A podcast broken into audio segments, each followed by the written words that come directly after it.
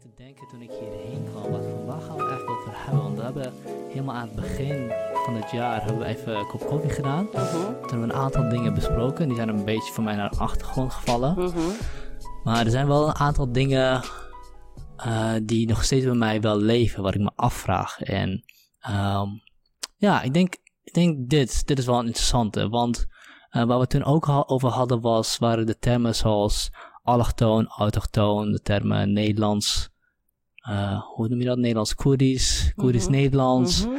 Nederlander met een westerse migratieachtergrond, Mhm. Nederlander met een niet-westerse migratieachtergrond.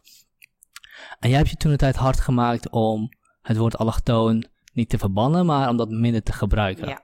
Eh, wat is de relatie daarachter? Nou ja, heel simpel. Ik vind hè, ehm, heel veel jonge mensen die hier gewoon geboren en getogen zijn, hebben eh, vanwege allerlei ontwikkelingen eh, soms het gevoel dat ze er toch niet helemaal bij horen.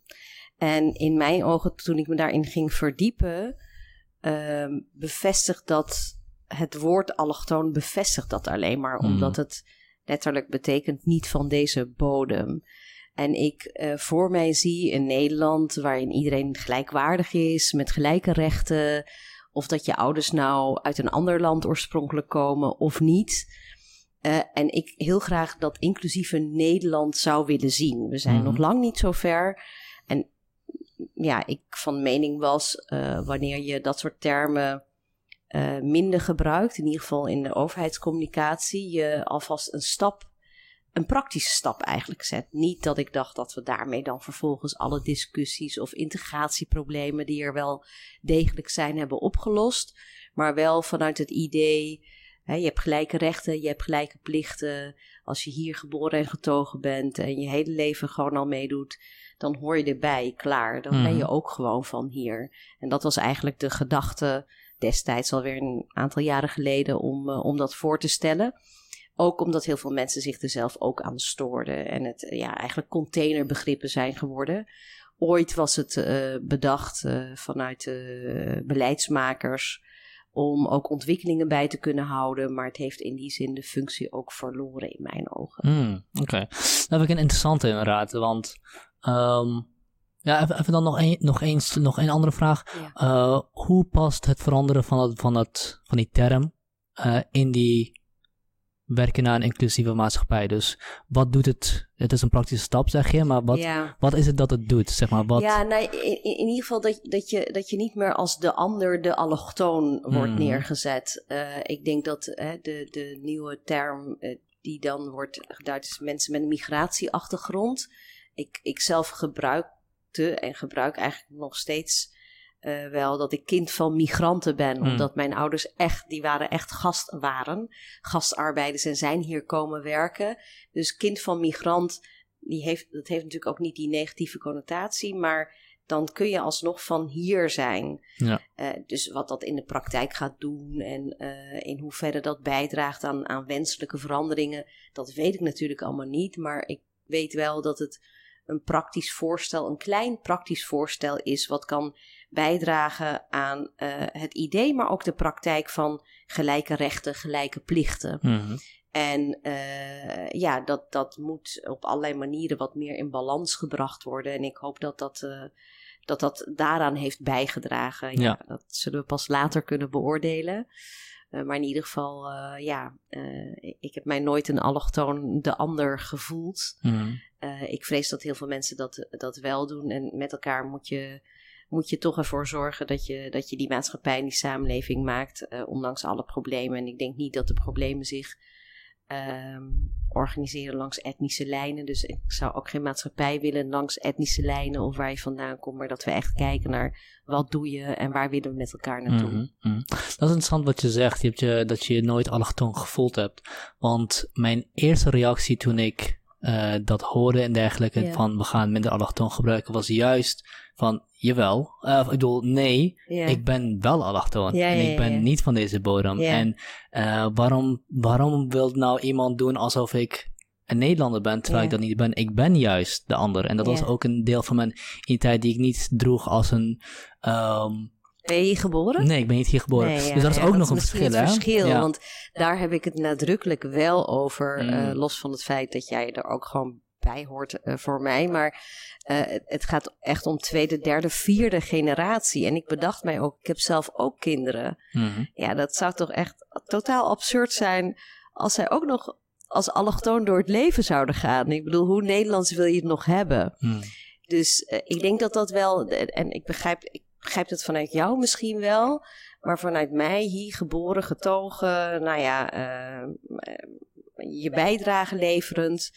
Eh, maar ook richting de toekomst voor de nieuwe generaties, denk ik. Of misschien als jij, ik weet niet of dat je kinderen hebt, maar als je die ooit zou Ik krijgen. heb geen kinderen. Eh, ja, Gelukkig nog niet. Ja, dat, dan weet je, dat, ja, het klopt gewoon niet met de praktijk. En dat was het. Ja. Eh, want ja, ik ben wel van deze, ook al liggen mijn roots ergens anders, want mijn ouders komen uit een ander land waar ik verschrikkelijk trots op ben. Mhm.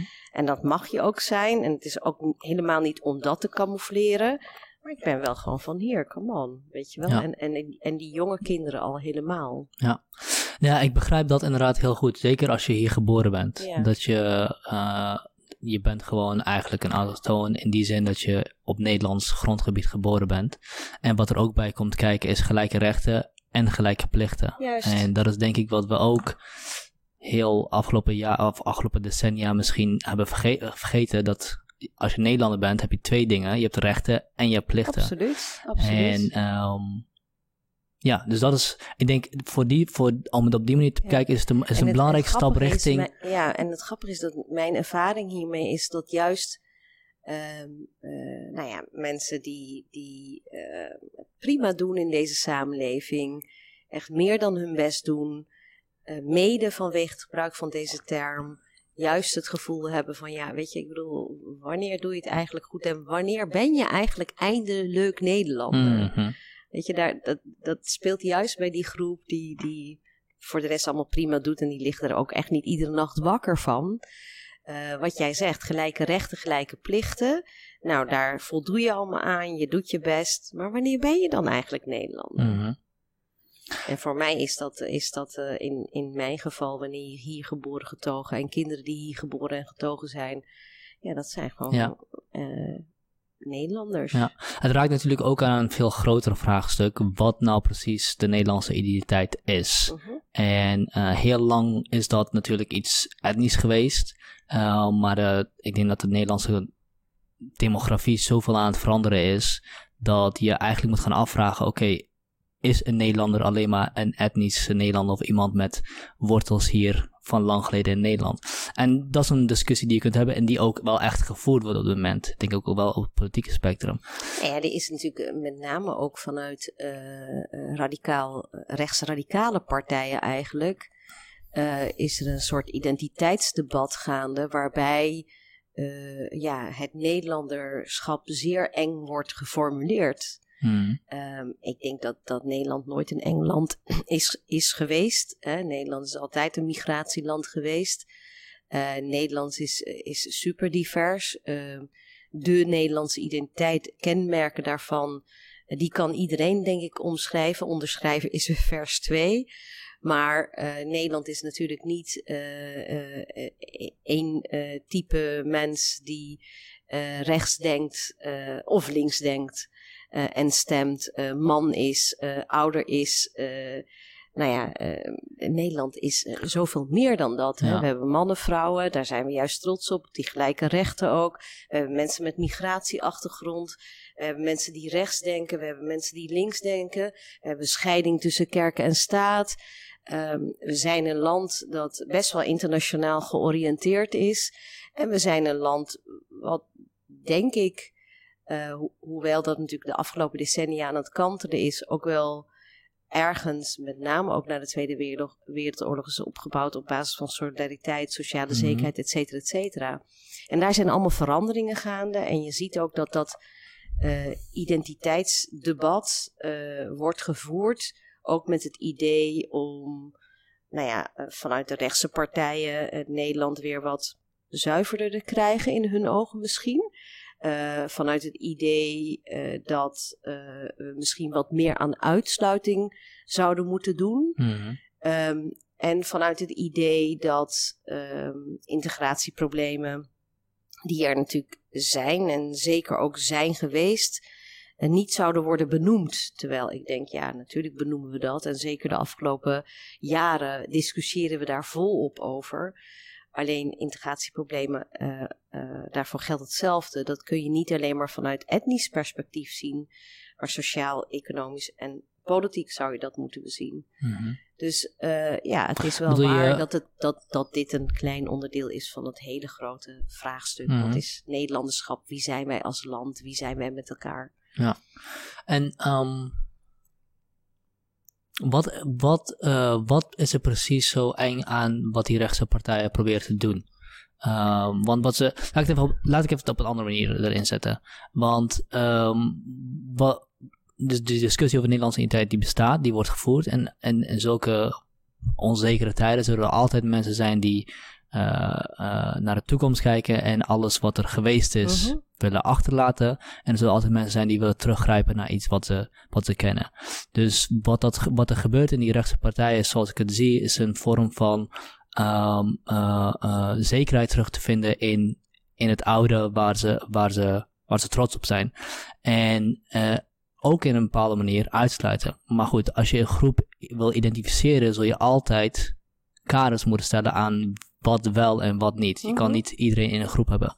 Dus. Nee, daar hebben we, de, de, de daar hebben we Nederlanderschap voor. Ja. Het is zeer nauw uh, gedefinieerd. Daar hebben we wetten voor, daar hebben we regels voor. Ik bedoel, het is niet zo dat wij. Uh, uh, dat wij in, in die zin is het, is het immigratiebeleid enorm de afgelopen decennia aangescherpt. Dus het is niet zo dat beeld, hè, daar begin je al het eerste, dat beeld dat iedereen maar komt en profiteert en mm. uh, het vroeger allemaal beter was, dat klopt al niet. Want vroeger was inderdaad uh, meer sociale zekerheid, maar het zijn juist ook, ook rechtse partijen, voor een deel ook helaas uh, sociaal-democratische partijen, die verantwoordelijk zijn voor het hervormen daarvan, voor het neoliberalisme, waarbij veel meer uitgegaan wordt van het individu dan van de gemeenschap, hè, waar mm -hmm. ik een, een, beetje sta. Veel meer uitgegaan wordt, of eigenlijk puur uitgegaan wordt van de markt in plaats van de overheid die ook belangrijke zaken voor ons organiseert. En inderdaad veel meer uitgegaan wordt van één mensbeeld, terwijl ik sta voor de diversiteit van mensen, want iedereen heeft andere achtergronden. Mm -hmm. Dus ja, dat bedoel ik met het eigenlijk enge wereldbeeld. En dat hangt er echt vanaf welke partij je het over hebt. Maar heel globaal, misschien wat generaliserend gezegd. Uh, de VVD die maakt zich daar nu natuurlijk ook schuldig aan. Ik kan me nog heel goed herinneren. Bijvoorbeeld uh, de hele discussie over. Um, en er circuleren nu weer posters van uh, geen voorrang meer. Uh, voor statushouders. Ja, en Haarlemmermeer zag, zag ik het. Precies. Ja. Nou, sorry beste VVD. Het is de VVD die uh, nou ja, al decennia eigenlijk aan het roer staat in het land. Die ook de hele sociale volkshuisvesting mede heeft geprivatiseerd. Mm -hmm. Hè? Ik bedoel, de periode hiervoor was ik woordvoerder wonen. En er zijn allerlei wetten en regels doorgevoerd waarmee ook woningen, de sociale volkshuisvesting beschermde woningen geliberaliseerd moesten worden. De huurprijzen zijn gestuurd. De oorzaak daarvan zijn de politieke keuzes waarvoor zij verantwoordelijk zijn. Maar dan wijzen ze liever naar de ander, daar heb je hem weer. Hmm. In dit geval de statushouder. Terwijl als wij zouden willen, uh, we het woon, de wooncrisis in Nederland zouden kunnen oplossen. Uh, en hoe, hoe zouden we dat kunnen doen dan? Nou ja, door bijvoorbeeld te investeren in sociale volkshuisvesting. Hmm. Door uh, de, de sociale volkshuisvesting, uh, de liberalisering bijvoorbeeld terug te draaien. Door een hele belangrijke is de verhuurdersheffingen. Want uh, woningbouwercorporaties die moeten betalen, belasting betalen. Dat gaat om heel veel geld, waardoor ze minder kunnen bouwen. Als je dat alleen al zou terugdraaien, zou je enorm meer kunnen gaan bouwen waarbij je het zou kunnen koppelen aan verduurzaming van woningen. Dus als je het hebt over uh, het grote klimaatprobleem. Maar is het bouwen niet op zichzelf nu al een probleem? überhaupt in Nederland? Ja, alleen je, je, je moet natuurlijk wel kijken binnen welke uh, normen dat kan. Maar als je het hebt over betaalbare woningen en onderdak voor de mensen die dat zoeken, en Mhm. tekort aan woningen, met name voor mensen met een lager en middeninkomen, dan kan dat via de sociale volkshuisvesting. Alleen daar is dus een belasting opgelegd. En je kunt dat combineren met milieumaatregelen, verduurzaming. Eh, en dat levert tegelijkertijd weer eh, banen op. Eh, dus ja, hè, daar is zeg maar rechts die daarvoor verantwoordelijk is hoofdzakelijk. En ik zeg je daarbij dat Christen-Democratische Partij, Sociaal-Democratische partijen hebben daar ook vol aan meegedaan. Alleen er is wel een soort kentering gaande. En vervolgens vind ik het dan te gemakkelijk en te eng om te zeggen, ja, eh, hè, dat is gewoon een beetje de onderbuik aanvoelend. Het is de ander geweest, eh, het is de statushouder. En als we die, die voorrangsregel nou maar afschaffen, dan is het opgelost. Dat is het namelijk niet. En Wilders heeft het natuurlijk in het verleden ook heel vaak gebruikt. Het is maar een voorbeeld. Nou, terugkomend naar, eh, naar het idee van uitsluiting, want je noemde dat we inderdaad, we, we hebben heel strikte wetten en Ja. regels en normen Ja. over wanneer je een Nederlandschap Mhm. ontvangt. Ehm, maar het gaat, in die tijd gaat natuurlijk ook wel een stukje verder dan alleen maar de wetten. En een van de dingen die we hebben is, ja, nee, wat, wat zou, wat, wat zou een goede en een rechtvaardige uitsluiting zijn van oké, dan hoor je bij Nederland en dan niet. Wat, wat, zou, wat zou dan wel, wat zou, wat zou, ja, hoe zou je, hoe zou je die, dat, die grens rechtvaardig kunnen trekken? Nou ja, volgens mij hebben wij daar we hebben een hele nationaliteitswetgeving waar je ook moet inburgeren, waar je aan Mhm. voorwaarden moet voldoen. Eh, wat ik heel belangrijk vind, hè, dat je gewoon de taal spreekt, eh, dat je eh, je best doet, dat je de, ehm, eh, de- geschreven en ongeschreven regels in een land kent. Het probleem zit hem in het inburgeringsonderwijs, maar dat is, dat is weer een hoofdstuk apart. Eh, ik die heb wel eens uh, inburgeringscursussen gezien en ik dacht, hè, Ja, of dat, eh dat ik hem maakte, of dat vrienden van mij maakten die gewoon in Nederland geboren zijn, die Ja. al een vijf halen of vier of zo. Dus ja. het, het, het- ja, maar goed, vertel verder. Maar, maar goed, dus we- hè, die, die, die, die zijn zeer nauw omschreven. En vervolgens eh, eh, hebben wij eh, allerlei voorzieningen waar je recht op hebt, of die we samen opbouwen. Ook daar moet je aan allerlei voorwaarden voldoen. Dus ik zie, eh, ik zie daar niet het probleem. Ik zie wel dat af en toe de regels wat zijn doorgeschoten. Hè. Net als afgelopen week was het Daniel, meen ik, uit Amsterdam. Gewoon in Amsterdam geboren en getogen, die het land uitgezet dreigde te worden, et cetera. Ehm, ik zie veel meer een, een probleem en wat we zouden moeten veranderen in eh, allereerst de wereldwijde eh, ongelijkheid. Wat, Mhm. En eh, het conflict wat daarbij komt kijken. Een enorm probleem met de manier waarop we produceren, de afhankelijkheid van de fossiele industrie. Wat maakt dat de druk op landen groeit en ook op arme landen. En er natuurlijk een trek is vanuit arm naar rijk. Ja, die problemen moet je bij de bron oplossen. En dat geldt natuurlijk ook dat we in ons land dingen zouden moeten veranderen. Dat is Mhm. meer eh, toekomstgericht. Ehm, maar ik, ik zie het probleem in Nederland vooral eh, ja, de politieke keuzes die gemaakt worden. En dat merk je ook wel, dat zie je ook, eh, dat zie je ook terug de afgelopen maanden ook weer in de actuele politieke discussies. Hè? De hele toestand bij de Belastingdienst. Ja, hoe een overheid inmiddels, omdat het zo is, het, het denken wat heel erg populair was een aantal jaren geleden, namelijk wij eh, benaderen burgers steeds meer als potentieel fraudeur, waardoor regels zijn aangescherpt. eh, waardoor onschuldige mensen uiteindelijk, ouders, vaak ook eenoudergezinnen, eh onterecht als fraudeur zijn aangewezen en Mhm. daardoor diep in de schulden zijn geraakt. Ja, weet je, dat is gewoon de doorgeslagen overheid en het voorbeeld van een doorgeslagen neoliberaal eh, denken. Of eh, neem op mijn eigen terrein, buitenlandse zaken, het hele debat wat we hebben gevoerd over eh, de feiten, waarheid en leugens over oorlog en vrede. Mhm. Namelijk onze bombardementen in Irak en Syrië als onderdeel van de anti-ISIS-coalitie. Terwijl ons was beloofd dat we geïnformeerd zouden worden over burgerslachtoffers. Dat dat pas gebeurt na onthullingen van de pers. En dan nog altijd eigenlijk niet wordt toegegeven, omdat in Nederland. eh, nu speelt ook Afghanistan met de Afghanistan Papers. Natuurlijk gisteren de Washington Post, Post wat naar buiten kwam. Hm. In Nederland eh, de regeringen eigenlijk gewend zijn geraakt om missies waaraan, we, waaraan ze deelnemen, veelal vanuit bondgenootschappelijke verplichtingen, te presenteren als een soort van of hele precieze bombardementen, waarbij bijna geen mensen zouden omkomen, of opbouwmissie, zoals een Oeruzgan. En de waarheid blijkt toch weer anders. Ehm, of uh, neem onze grote problemen in het onderwijs. Ik bedoel, uh, de jeugd en investeringen in het onderwijs, dat weet iedere uh, niet-econoom weet dat ook. Wanneer je dat doet, dat betaalt zich terug. Dat is jarenlang verwaarloosd, waardoor nou, in mijn stad Amsterdam uh, nu hele klassen gewoon naar huis gestuurd worden. Mm. Het is allemaal uh, ontstaan vanuit een bepaalde ideologie, vanuit een bepaald ideologisch denken, vanuit een rechtskader, um, vanuit een heel rechtskader gedacht, hè, vanuit individuele het marktdenken. Uh, wat zich uh, nu uh, een beetje aan het opbreken is. En als reactie daarop zie je dan weer inderdaad nog rechtsradicale partijen die de oplossing zoeken in het wijzen naar elkaar en of ja.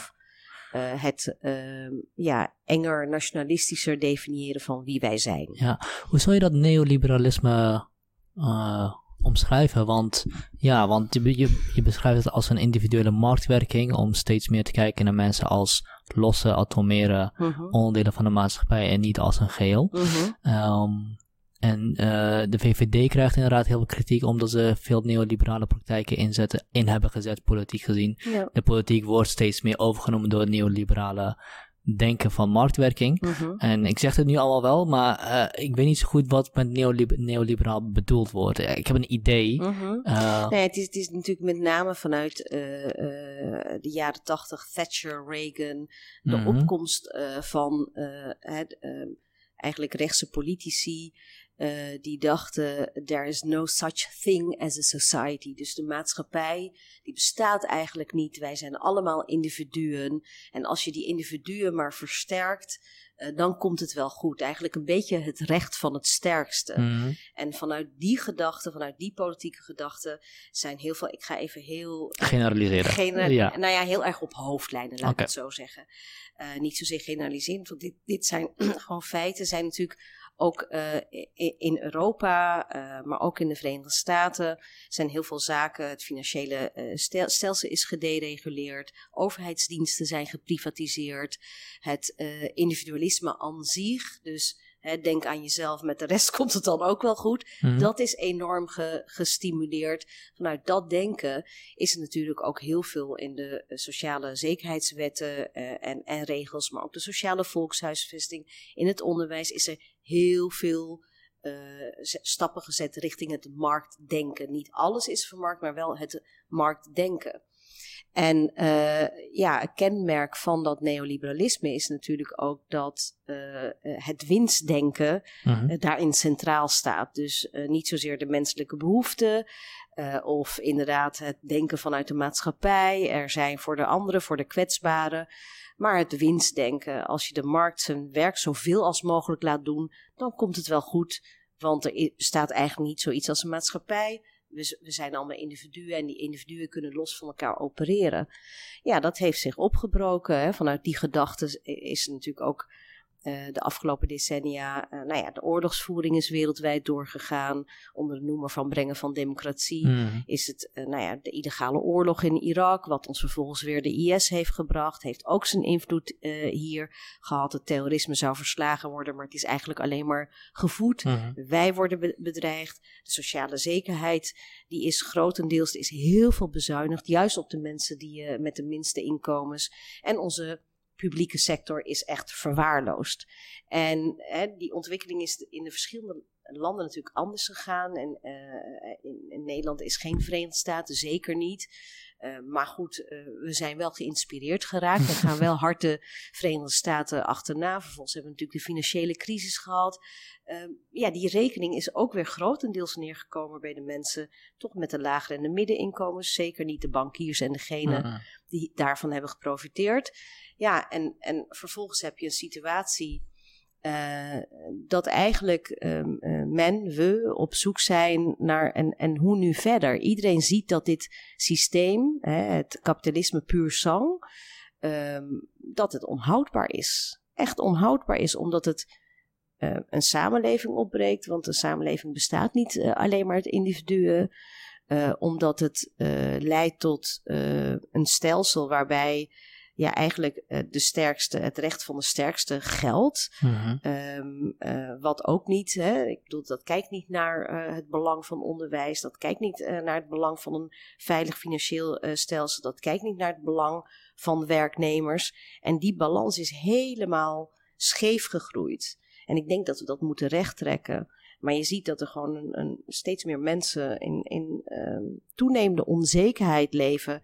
En, en, als reactie daarop is men zoekende. Mhm. En soms vindt men het hel ook in uh, rechtsradicalere partijen.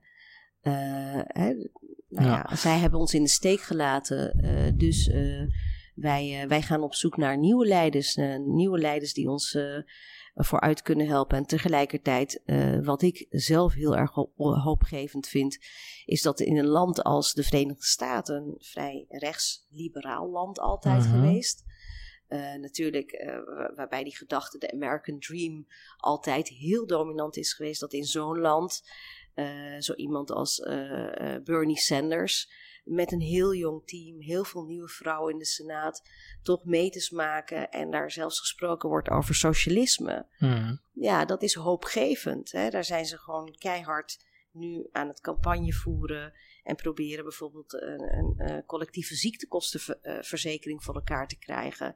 Uh, ervoor zorgen dat uh, jongeren kunnen studeren zonder dat ze zich in de schulden hoeven steken. Nou ja, zo zijn er een aantal hoopgevende ontwikkelingen en bewegingen. En ook in Nederland zien we dat mensen in beweging komen.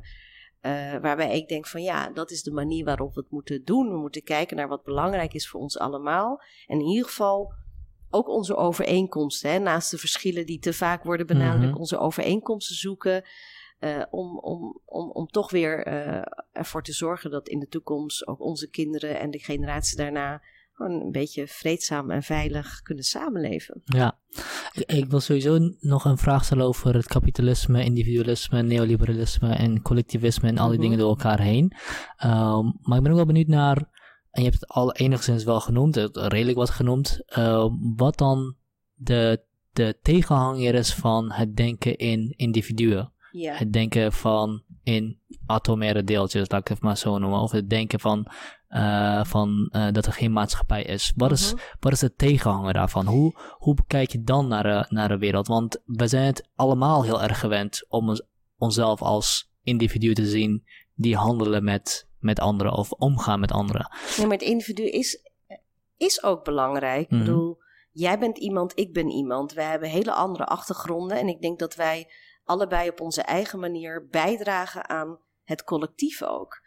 Um, ik ben alleen maar, ik kan alleen maar zijn omdat er ook anderen in mijn omgeving zijn Mhm. die mede mogelijk maken dat ik kan doen wat ik kan doen.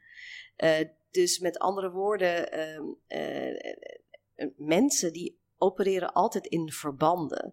En hoe die verbanden eruit zien, ja, dat verschilt natuurlijk per individu, per omstandigheid. Mhm. Maar uh, je kunt niet leven, mensen, dat is het kenmerk van mensen, zo onderscheiden zij zich ook van dieren door alleen maar doorgaans. Hè? De meeste mensen, Ja, ja, uitzonder, ja, ja. uitzonderingen daar, daar gelaten door te gaan jagen. En weet, weet je, in totaal isolement kan eigenlijk niemand. Je hebt altijd anderen nodig. En dat is voor mij de tegenhanger van het individualisme. Dus waarbij je alleen maar kijkt naar ik, ik, ik. Ja, natuurlijk, ik, mijn zelfbeschikking, mijn individuele rechten, zoals ook neergelegd in de Universele Verklaring voor de Rechten van de Mens, zijn ontzettend belangrijk. Jij ook. Jij moet kunnen zijn wie je bent. Mhm. Jij mag niet gediscrimineerd worden en weggedrukt worden omdat jij een bril op hebt en donker haar. Dat kan niet. Dat is één. Maar ik vind dat minstens net zo belangrijk voor de ander. En uh, om te kunnen worden, uh, of om te kunnen zijn wie ik ben, en omdat het zo goed mogelijk tot uitdrukking te kunnen brengen, uh, ben ik ook afhankelijk van anderen. En samen met die anderen kunnen wij nou ja, veranderingen voor elkaar krijgen die je misschien in eerste instantie niet voor mogelijk houdt. Kunnen wij dat goede onderwijs voor iedereen organiseren?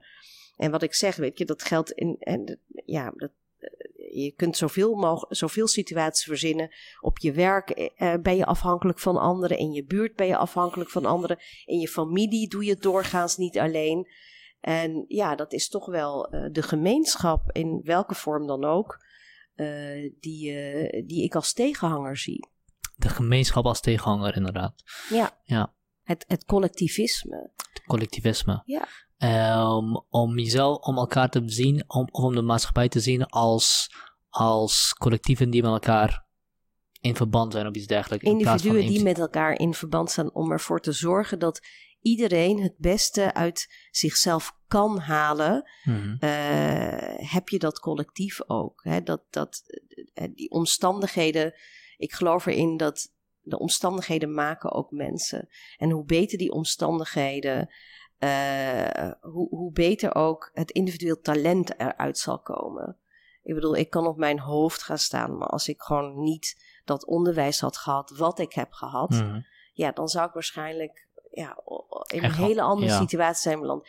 Ik kan, eh, ik, ik, ik, ik zou, eh, de, weet ik veel, als ik heel goed zou kunnen zingen, zou ik heel beroemd kunnen worden. Maar als, ik, als mijn land wordt verscheurd door oorlog Mhm. en ik, ik niet eens eten heb, laat staan dat ik zou kunnen zingen, weet je, het, het- dat is echt afhankelijk van de omstandigheden. eh, en de kansen die je, die je ook krijgt. Ja. En Dus- ik heb daar niet één enge formule voor of zo. Ik, ik geloof niet, wel ja. heel erg in de interactie tussen Ja. mensen. Ik geloof wel heel erg in. Nou ja, hè, enerzijds heb je dat individualisme brengt, denk ik, met zich mee een enorme vervreemding. Mhm. Want als je alleen maar met jezelf bezig bent, ja, hoe realistisch ben je dan? En hoezeer weet je dan wat er in jouw buurt, in, in, in eh, jouw land, op jouw school, op jouw werk, in de wereld zich afspeelt? Eh, en de tegenhanger van vervreemding is weer is dat je anderen leert kennen. En door anderen te leren kennen heb je ook weer meer begrip voor elkaar. En zie je denk ik ook sneller de gemeenschappelijkheid Mhm. de gemeenschappelijkheid. Nou ja, neem, neem een standaard gezin in Nederland. Of dat ze nou mensen zijn met een migratieachtergrond of niet. Of dat het nou een homostel is of een heterostel. Of dat het nou eh, een alleenstaande is met kinderen of zonder kinderen. Ik denk dat iedereen gewoon een dak boven het hoofd wil. Mhm. eh, een beetje richting de toekomst kan kijken, een klein beetje zekerheid wil en afhankelijk van de gezinssituatie, goed onderwijs, eh, zorg, et cetera, et cetera. Ja, ja. En dat is, ja, wat is het? Dat is 90%, misschien 99% Van de mensen. van de mensen. Ja. Ehm, ja, het is interessant wat je zegt. En er komen weer, weer een aantal dingen die we eerder bespraken komen omhoog. Eh, maar een van de dingen wat ik altijd heel erg merk is dat ik... eh, ik ben zelf heel links, maar ik zie mezelf steeds meer argumenteren tegen mijn linkse medegenoten. Ja, Maar de hoe reden komt dat?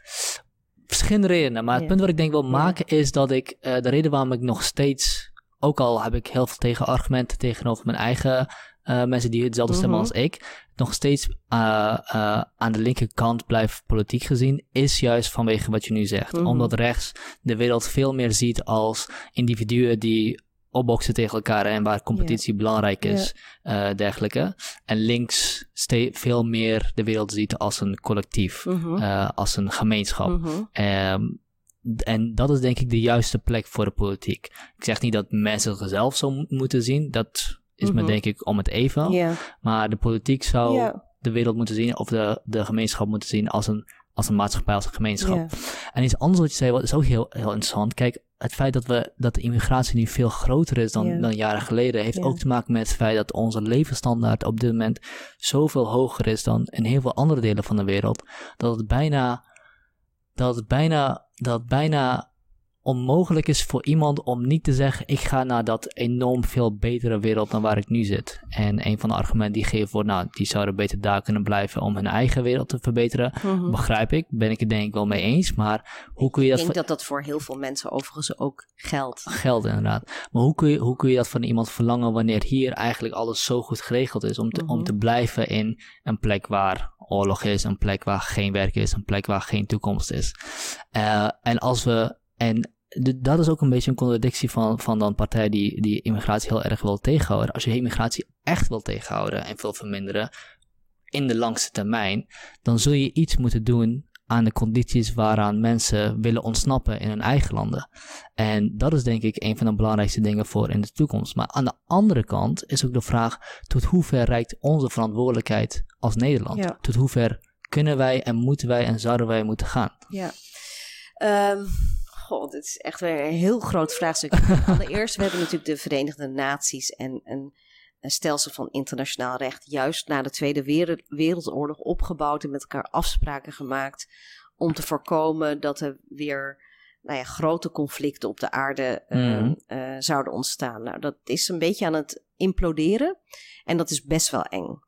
Wij zijn. En, en waarom is dat imploderen? Nou ja, om, omdat je ziet dat de afgelopen jaren en ook met de opkomst van wat ik noem het sterke mannen-syndroom, of dat nou Erdogan is, of Trump is, of Netanyahu is, of uh, Kim Jong-un is, dat uh, die, die eigenlijk een lak hebben aan dat soort internationale wetten en regels, maar zeker ook landen in het Westen die bijvoorbeeld de illegale oorlog in Irak hebben gesteund al 18 jaar lang in Afghanistan een oorlog aan het voeren zijn waarvan iedereen wist dat die niet te winnen zou zijn, hmm. waar men niet over de waarheid wilde vertellen, maar waar we nu weer zijn geëindigd waar de oorlog begon, namelijk onderhandelingen met de Taliban. Ehm, dat uh, steeds minder machtige landen uh, en minder machtige landen zich daaraan houden. En dat heeft alles te maken met, dat, met die eeuwige concurrentie en het op zoveel mogelijk plekken ja. in de wereld invloed krijgen, belangen veiligstellen, grondstoffen veiligstellen, et cetera, et cetera. En je ziet hè, dat uh, waar vroeger twee machtsblokken waren, dat dat aan het veranderen is, dat er nieuwe opkomende economieën zijn, waaronder China, et cetera, et cetera. Dat de VS nog altijd de positie van mondiale politieagent wil behouden, met alles wat daarbij hoort. En dat lukt allemaal niet. Uh, en het gevolg is dat uh, vaak diegene met de meeste macht in handen niet in het belang handelen van de meerderheid. Uh Want ook denk ik op wereldschaal, als je zou inzoomen, ja, ik bedoel, iedereen vindt het logisch dat je uh, het beste moet uh, doen voor jouw uh, eigen land, dat je moet meehelpen aan opbouwen, et cetera, et cetera. Maar wat je zegt, hoe doe je dat in, in, in een land waar de oorlog is? Hoe doe je dat in een land waar er zoveel droogte is dat je moet vluchten, et cetera, et cetera. Dus allereerst zou het al heel erg helpen wanneer we die internationale rechtsorde weer in ere zouden herstellen en waarin, uh, waarbij we onszelf daar ook aan zouden uh, houden in plaats van, nou, ik noem maar wat in dit geval, in het geval van Nederland is het heel vaak zo dat ze vanwege bondgenootschappelijke verplichtingen meedoen en of steunen oorlogen uh, of andere vraagstukken waarvan ik denk, ja, is dat nou wel voor ons als klein land, is dat nou wel zo verstandig en strookt dat wel met het internationaal recht? Twee, uh, Nederland is wel economisch gezien nog steeds heel erg sterk. Hè. Wij, wij hebben grote bedrijven die werken wereldwijd.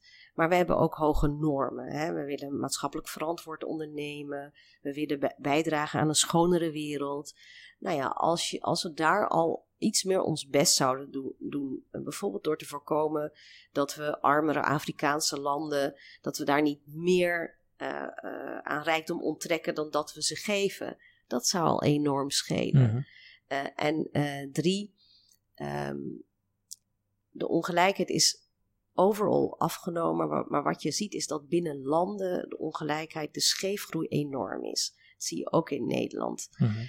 um, er is een, een, een rijk, een, een laag rijke die rijker wordt. En er is een groeiende onzekerheid in de laag daaronder.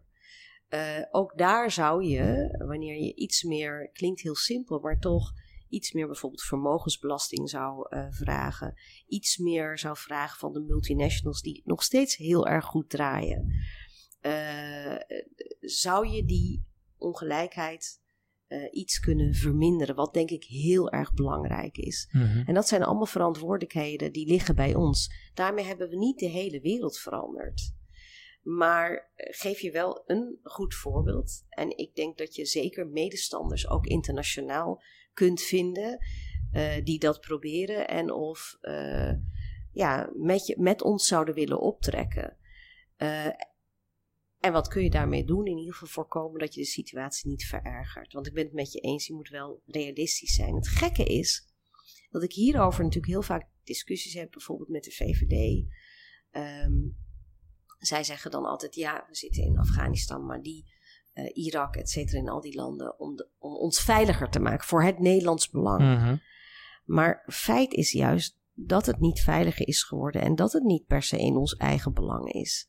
En dat vereist dat we stilstaan, dat we kijken gewoon naar de effecten van het gevoerde beleid de afgelopen decennia. En dan kun je een aantal conclusies maken. En dat zou betekenen dat je je veiligheidsstrategie bijvoorbeeld ook moet veranderen.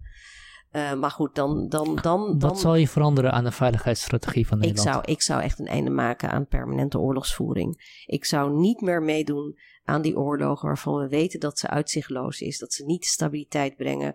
Je, ieder normaal mens weet dat je democratie niet kunt brengen, dat iedere samenleving ander is, mhm. anders is.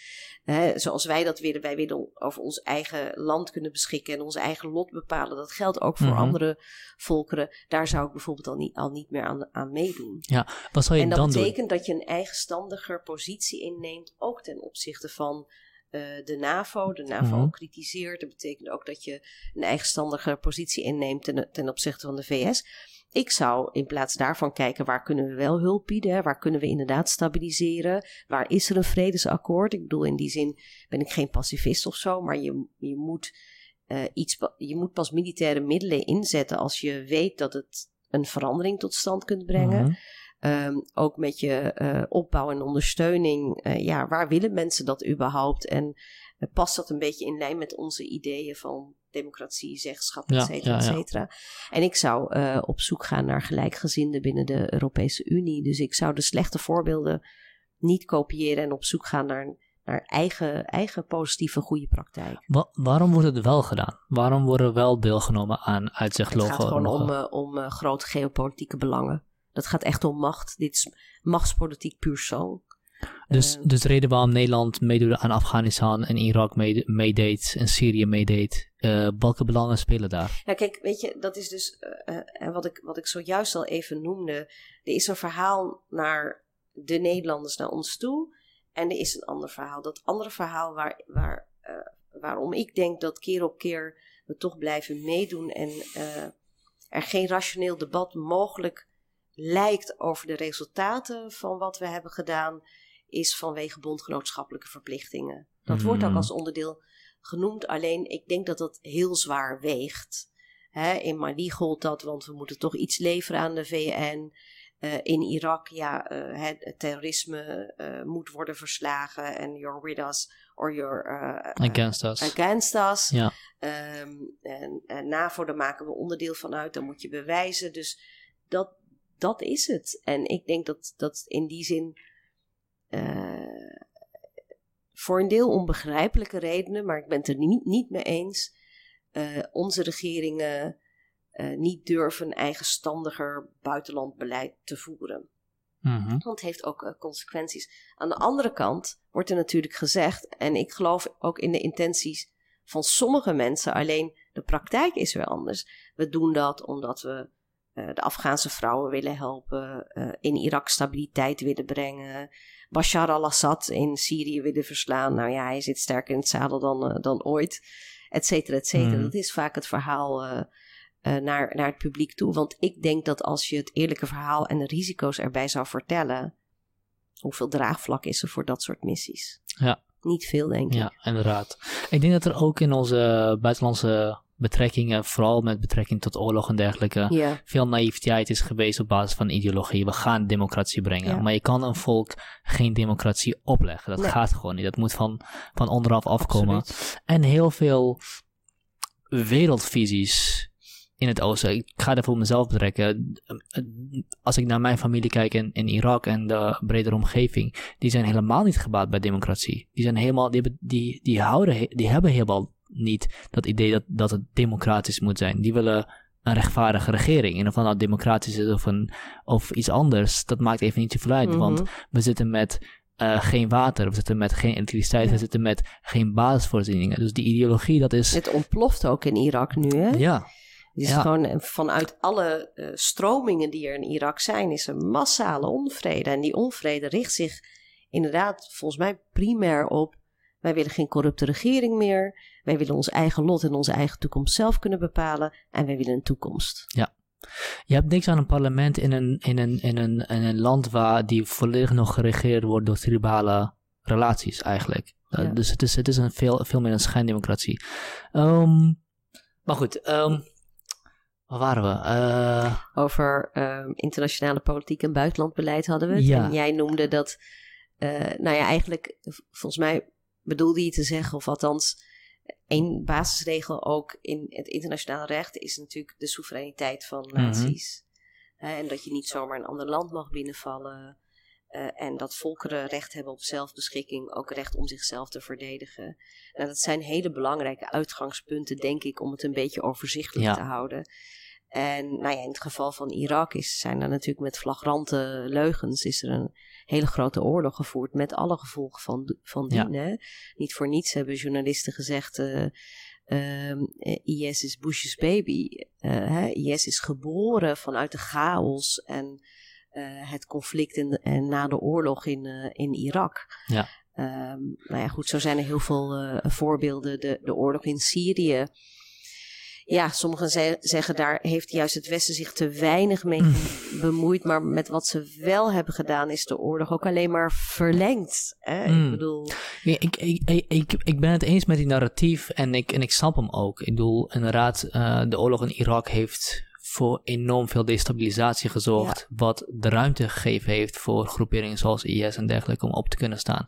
Maar tegelijkertijd, om te zeggen dat Bush's baby is, het was niet Bush die IS opzetten. Kijk, de, het Midden-Oosten heeft voor het bestaan van de VS in oorlog gezeten. En het gaat na het bestaan, ik hoop het niet tenminste, maar zelfs zonder de VS kunnen we, zijn we heel goed in ons en elkaar neer te schieten. Nee, kijk, ik weet je, ik bedoel, uh, uh, je hebt niet alleen maar illegale interventies nodig, maar uh, vaak gaat dat hand in hand met regeringen die zelf ook onderdrukking onderdrukken. Mm. inderdaad, met instabiele situaties. Alleen uh, de omstandigheden die hebben wel gemaakt dat de IS kon ontstaan. Mm, tuurlijk, en ja. dat is uh, net zoals de nieuwe Al-Qaeda's nieuwe is, als de omstandigheden niet veranderen, zal, zal er later weer een nieuwe. En nu natuurlijk heel blij dat het kalifaat niet meer bestaat. Maar de gedachte, die ideologie, die is hmm. natuurlijk nog niet verdwenen. Mhm. En hoe pak je zoiets aan? Precies. Uh, ik zat gisteren bij een lezing over de Yazidis en ja. uh, uh, Jan Kieselhan, die, die heeft eigenlijk de eerste um, groep psychotherapeuten in Irak opgeleid. En die gaan dat nog veel meer doen. En ik ja. denk dat dat een van de belangrijkste dingen is die we nodig hebben. Want ja.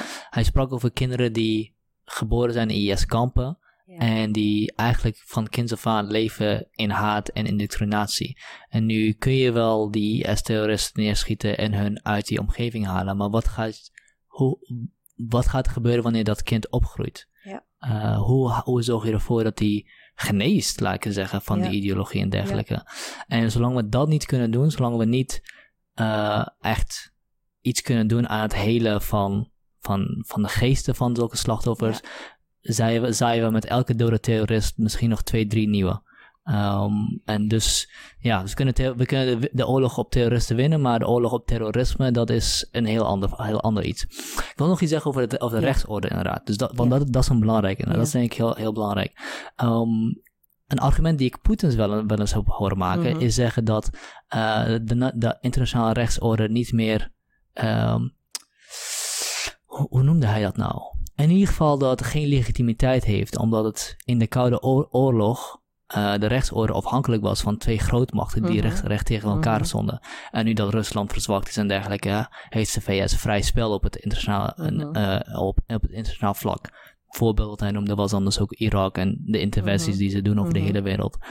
Um, zie je daar iets in? Zie je daar iets in dat, dat, waarin hij zegt er moeten twee grootmachten of er moeten twee krachten tegenover elkaar staan die elkaar in toom houden. En als dat niet zo is, hoe dan? Want inderdaad, ja, nou, macht is heel belangrijk op het internationaal vlak. Ja, ik denk dat, kijk, weet je, um, uh, jij hebt niks aan twee grootmachten die alleen maar bezig zijn met hun eigen positie, hmm. uh, geopolitiek belang, hun, hun, hun macht en uh, met name ook de economische belangen veilig te stellen. Dat gaat ten koste hoe dan ook van de bevolking en vaak van grote delen uh, van de wereldbevolking, zoals we hebben gezien. Dat Poetin dat zegt, dat begrijp ik wel, want die streeft natuurlijk ook een machtiger positie na. Ja. Ik bedoel, uh, die heeft wat dat betreft kunnen ze elkaar de hand schudden, uh, Poetin en Trump. Um, En het is niet waar dat, dat alleen maar de. Kijk, de VS heeft het allemaal kunnen doen, maar met steun van. En dat is natuurlijk het treurige. Ook democratische landen hebben dit gesteund.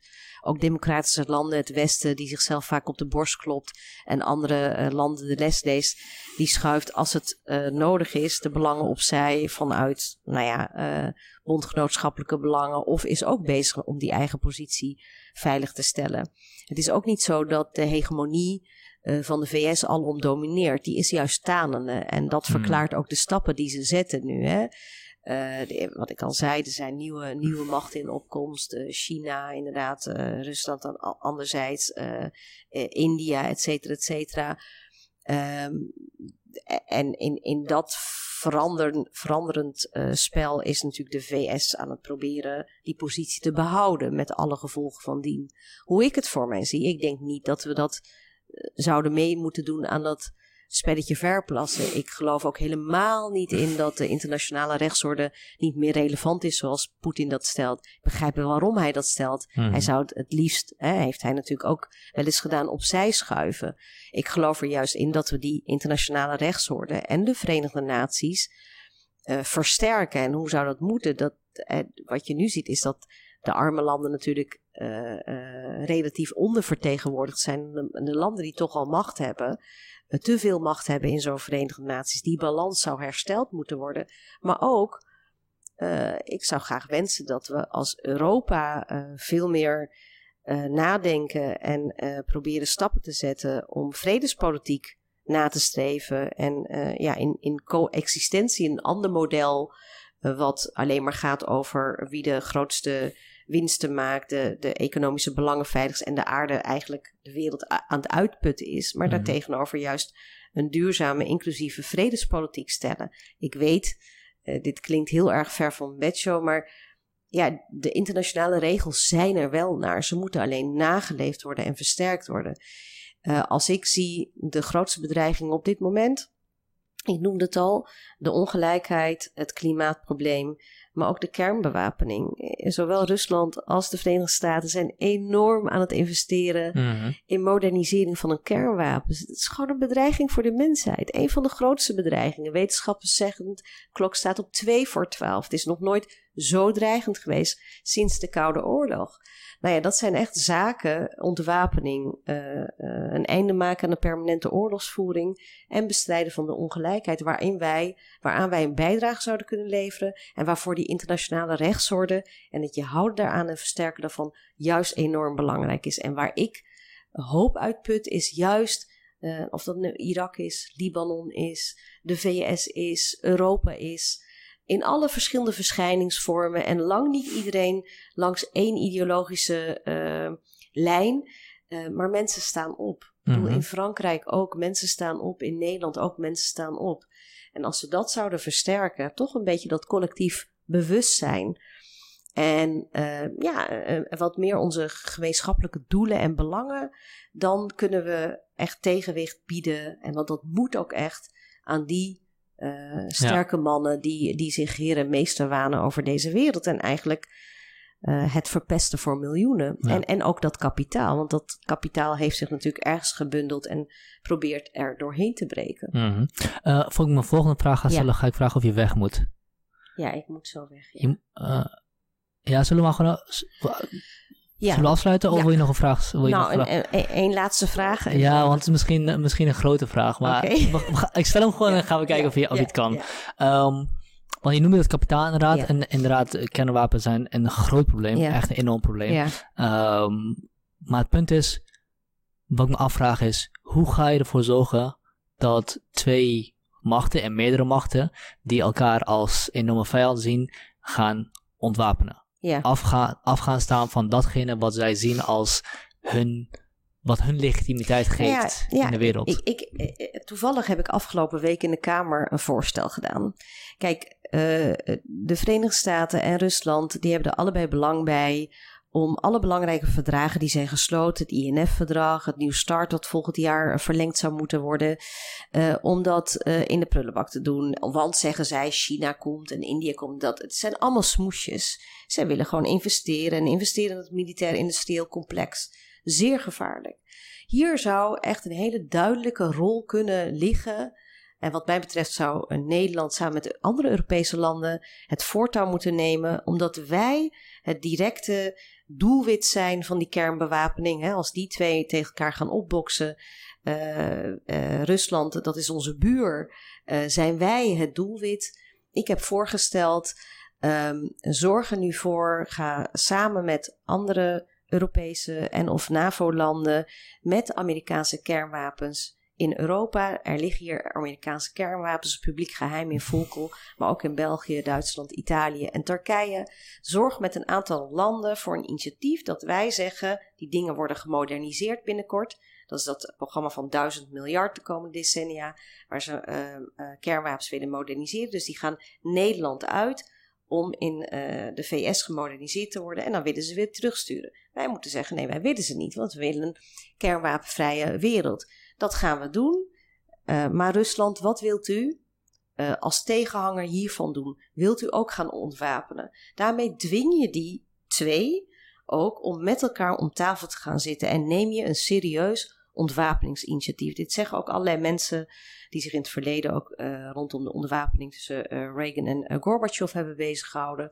Dat dat nodig is, dat dat moet. of dat zal lukken, weet ik niet. Maar het is dus niet zo dat wij niks kunnen doen. We kunnen hele concrete stappen zetten.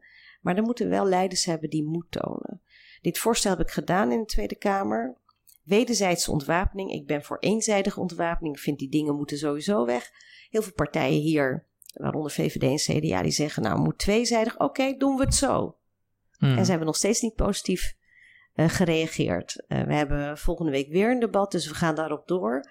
Wat ik maar wil zeggen is, er moet ook wel de politieke wil zijn. Hmm. Dus het kan wel. En ik denk echt dat het belangrijk is dat er moedige mensen en leiders opstaan die dit initiatief nemen. En aan ons, vanuit de bevolking, is het natuurlijk heel erg belangrijk dat we hierom vragen en dit eisen. Want wie niet eist, krijgt helemaal niks. Oké, okay, top. Dankjewel.